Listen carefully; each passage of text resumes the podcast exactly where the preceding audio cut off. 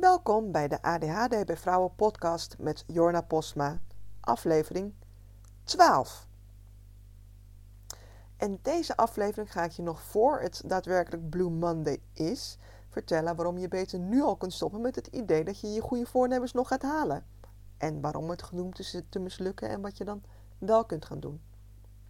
Maandag 21 januari is het Blue Monday. Dat is dus al bijna, dat is aanstaande maandag. En waarom het Blue Monday heet? Omdat dit de meest deprimerende dag van het jaar zou zijn. En dat heeft twee redenen. Enerzijds omdat het nog steeds donker en grauw is buiten. En we inmiddels met z'n allen echt weer snakken naar langere dagen en zonlicht. En anderzijds omdat dit de dag is dat je je beseft dat je je goede voornemens weer niet hebt volgehouden. En ik kom jou vandaag vertellen dat goede voornemens sowieso gedoemd zijn te mislukken. Nou is het hele idee van Blue Mondays ook een beetje een marketingstunt. Dus, dus niet helemaal wetenschap gestoeld. Maar toch. De media spelen er ook leuk op in. En elk jaar vallen we met z'n allen weer in de valkuil van het maken van goede voornemens. Elk jaar word je weer zo rond oud jaar om je oren geslagen met alle goede voornemens. Stop met roken, afvallen, meer sporten, minder drinken. Je kent ze wel. En ieder jaar beginnen we weer met z'n allen vol goede moed aan deze voornemens en beloven we onszelf plechtig dat het dit jaar anders is. Dat het dit jaar wel gaat lukken, dat we het dit jaar wel gaan redden. Dat onze wilskracht dit jaar wel groot genoeg is. En na een paar weken worstelen mislukt het even goed nog. De voornemens gaan de prullenbak in. We voelen ons hier even super slecht over. Want wat zijn we nou voor slappe typjes zodat ons niet lukt?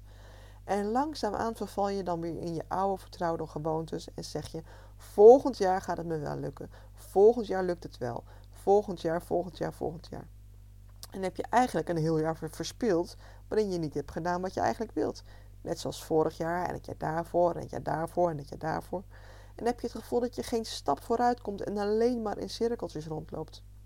En het goede nieuws is dat dat natuurlijk niet alleen voor ons vrouwen met ADHD geldt. Want het idee van goede voornemens is natuurlijk niet helemaal slecht. Het is zelfs goed om regelmatig na te denken over welke verandering in je leven jij wilt zien. En één keer per jaar rond de stad van het nieuwe jaar is natuurlijk ook regelmatig. Eén keer per jaar is regelmaat. Maar wat mij betreft mag de frequentie van die regelmaat flink omhoog. Je maar één keer per jaar afvragen of dat wat je wilt doen ook echt is wat je nu aan het doen bent, is een beetje weinig. En omdat je jezelf dat niet vaak genoeg afvraagt, blijf je ook hangen in dezelfde zeemold, zeemold voornemens van gaan sporten, afvallen, stoppen met roken, minder drinken, etc. Want uit onderzoek van de ING blijkt ook dat het nummer één goede voornemen voor 2019 is je minder druk maken. In de zin van dat je meer rust in je leven wil en minder stress wil. En de verklaring daarvan is dat we met z'n allen in onze huidige maatschappij zo ontzettend veel prikkels te verwerken krijgen, dat we daardoor en daarvan heel veel stress ervaren. En mijn kijk daarop is dat als zelfs neurotypische mensen, dus mensen zonder ADHD, ik noem mensen zonder ADHD liever niet normale mensen, omdat ik vind dat als je ADHD hebt, je net zo goed normaal bent, dat alleen je brein iets anders werkt dan gemiddeld. Dus dat als zelfs neurotypische mensen gaan merken dat ze stress ervaren door, te veel externe prikkels, dan is het voor ons ADHD'ers bijna helemaal niet meer te doen.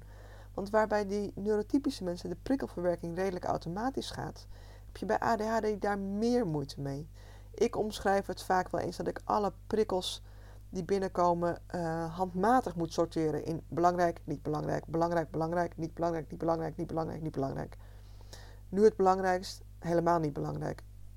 En dat het daardoor lijkt dat ik snel afgeleid ben van wat ik nu aan het doen ben. Dat is het attention deficit gedeelte, het tekort uit de term attention deficit and hyperactivity disorder, waar ADHD voor staat.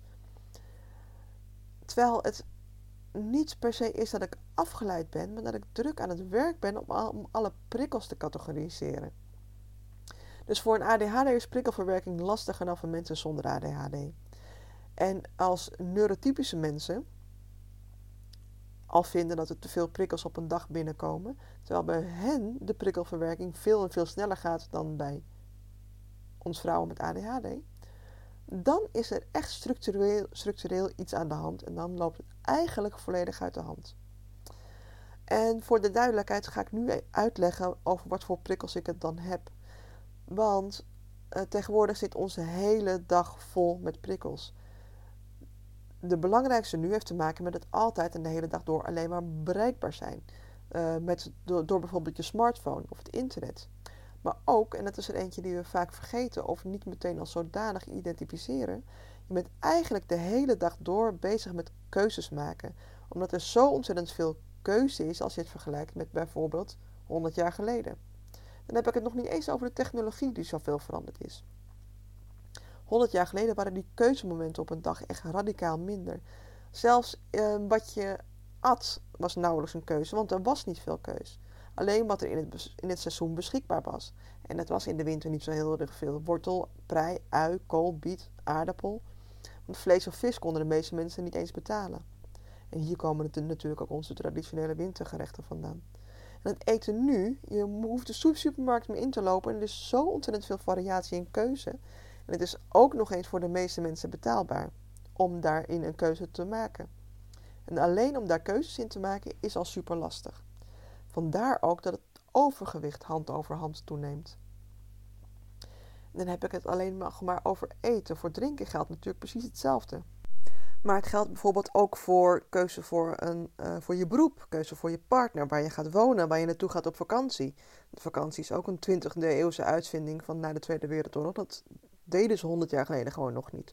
Wat je doet in je vrije tijd. En vrije tijd is ook iets wat pas uh, van de laatste uh, tientallen jaren is en, daar, daarvoor ook erg weinig was. Uh, keuze voor sport, voor ontspanning, wat je kijkt op televisie of misschien wil je toch liever Netflix. Kortom, de hele dag vliegen de keuzes je om de oren en word je eigenlijk gedwongen om elk moment opnieuw een keuze te maken waar jij jouw tijd aan gaat besteden. En dan helpt het ook niet dat er slimme technieken zijn om jou te manipuleren in de keuze die je maakt. Want televisieprogramma's en alle apps op je mobiele telefoon worden alleen maar gemaakt met de gedachte: hoe kunnen we ervoor zorgen dat je zoveel mogelijk naar ons kijkt? Of hoe kunnen we ervoor zorgen dat je zoveel mogelijk onze app gebruikt? En uh, zoveel mogelijk tijd daaraan besteedt. En ieder moment moet je daarom weer een keuze maken om wel of niet die telefoon op te pakken en te kijken naar de meldingen die je ontvangt. En de makers van de app zijn ook zo slim om ervoor te zorgen dat je die keuze niet bewust maakt, maar onbewust. Ze zijn echt een kei in het manipuleren van je reptiele brein. En dat zijn zo ontzettend veel meer keuzemomenten op een dag dan 100 jaar geleden. Keuzemomenten die we eigenlijk niet aankunnen, want we zijn daar niet op aangepast. Want evolutionair gezien zijn we nu nog precies dezelfde mensen als 100 jaar geleden. Want 100 jaar klinkt misschien heel erg lang. In de afgelopen 100 jaar is er natuurlijk al ontzettend veel gebeurd en heel erg veel veranderd. Maar in de evolutie is dat maar drie generaties. Mijn grootouders, ze leven nu allemaal niet meer, zijn allemaal zo rond 100 jaar geleden geboren. En mijn kinderen dan weer in deze tijd. En dat is dus echt maar drie generaties verder. Uh, in evolutie is dat gisteren bij wijze van spreken. En dat is wat ons massaal aan het opbreken is. Al die keuzes geven keuzestress, waardoor ook burn-out en depressie steeds vaker voorkomen en ook steeds vaker op schrikbarend jonge leeftijden. Zelfs kinderen uh, hebben tegenwoordig depressies en last van burn-out. Noodlozen zeggen misschien dat je van zoveel keuzes niet gelukkiger wordt. Steeds vaker heb je daardoor het gevoel geleefd te worden in plaats van te leven.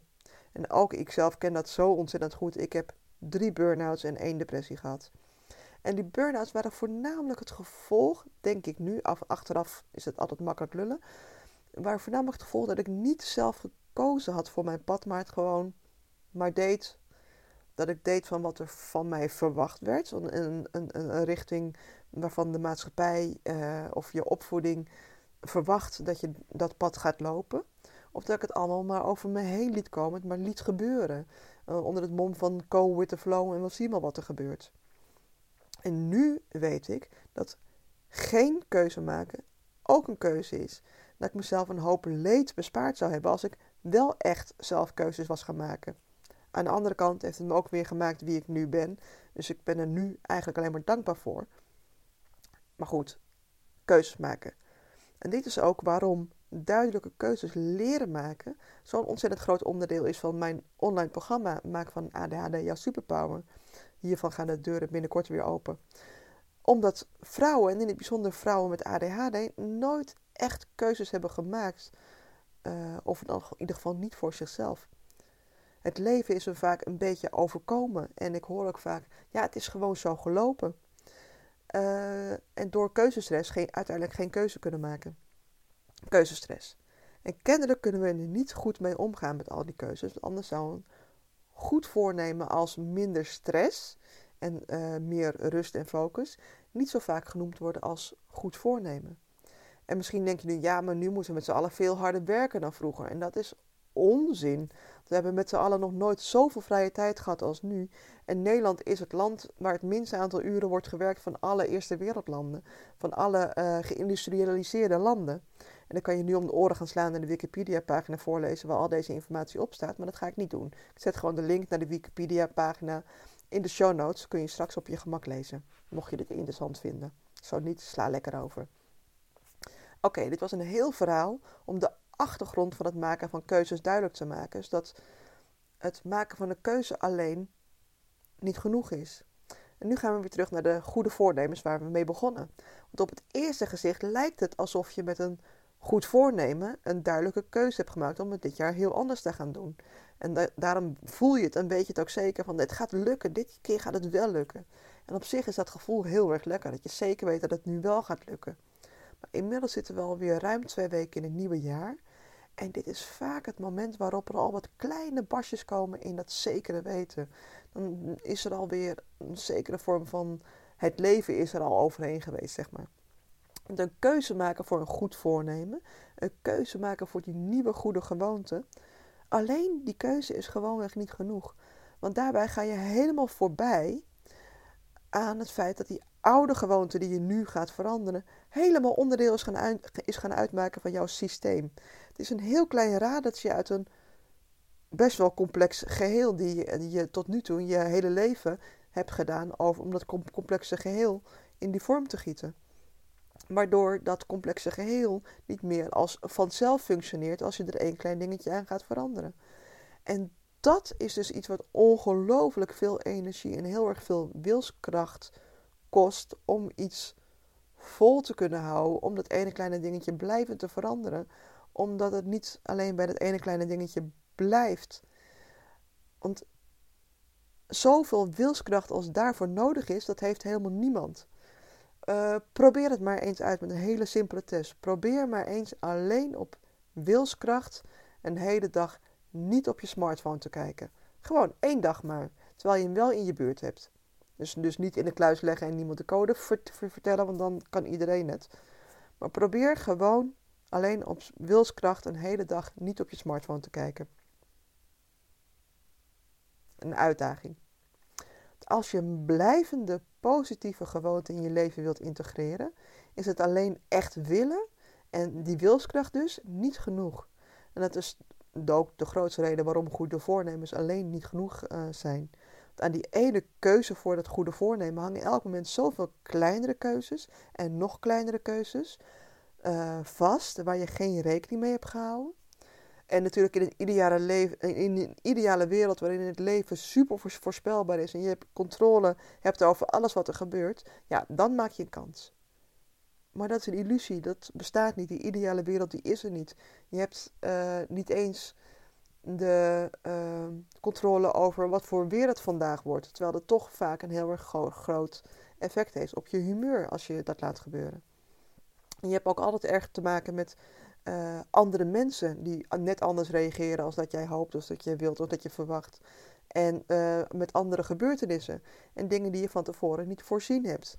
En als je dan geen plan hebt wat je gaat doen, als het alleen niet gaat zoals je hoopt, als je geen plan hebt wat je gaat doen als het niet gaat zoals je van tevoren had gepland, dan loopt het spaak en val je terug in je oude gewoontes en je oude routines.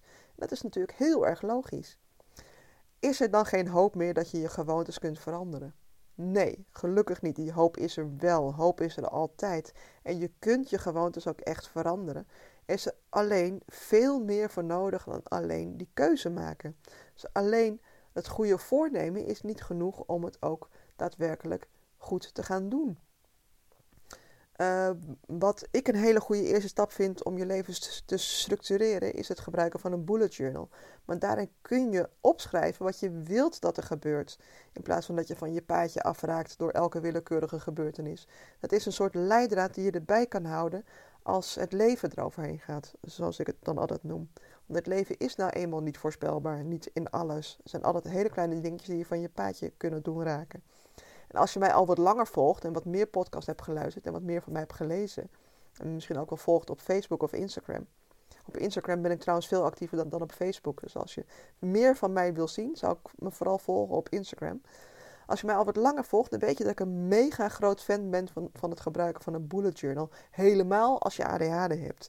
Want door het gebruiken hiervan kan alles om me heen in de soep lopen. Ik weet toch nog precies wat ik moet doen, wat mijn prioriteiten zijn, zodat ik mijn doelen kan halen, zodat ik kan zien waar ik heen, zodat ik dat laser, laserfocus op dat doel hou. Al is dat doel alleen maar een opgeruimd huis. Zonder erbij na te hoeven denken. En als je nu voor het eerst naar mij luistert en nog niet weet wat een bullet journal is, of wel al wat vaker geluisterd hebt, maar het nog niet precies weet. In het kort, een bullet journal is niets meer dan een notitieboekje die je zelf indeelt als een planner en een agenda en een braindump en voor je creativiteit. Alles wat je zelf maar wilt en nodig hebt om jouw leven te structureren. Alles om jouw leven, dat is echt maatwerk voor jou alleen. Alles wat je nodig hebt om je leven te structureren kun je erin kwijt. Op 28 januari start ik weer met een vijfdaagse Bullet Journal Challenge. Een gratis challenge met uh, allerlei video's, een werkboek met eenvoudige opdrachten en uh, live vragen en antwoordsessies. Het hele programma is online. Je ontvangt alle informatie gewoon in je inbox als je je inschrijft. En na deze vijf dagen heb jij de basis van een goed voor jou werkende bullet journal staan. Ik vind het super tof als je hier aan meedoet. Via de link die ik in de show notes plaats vind je meer informatie over de bullet journal en meer informatie over de challenge en kun je je aanmelden. Voor nu, bedankt voor het luisteren en tot de volgende keer.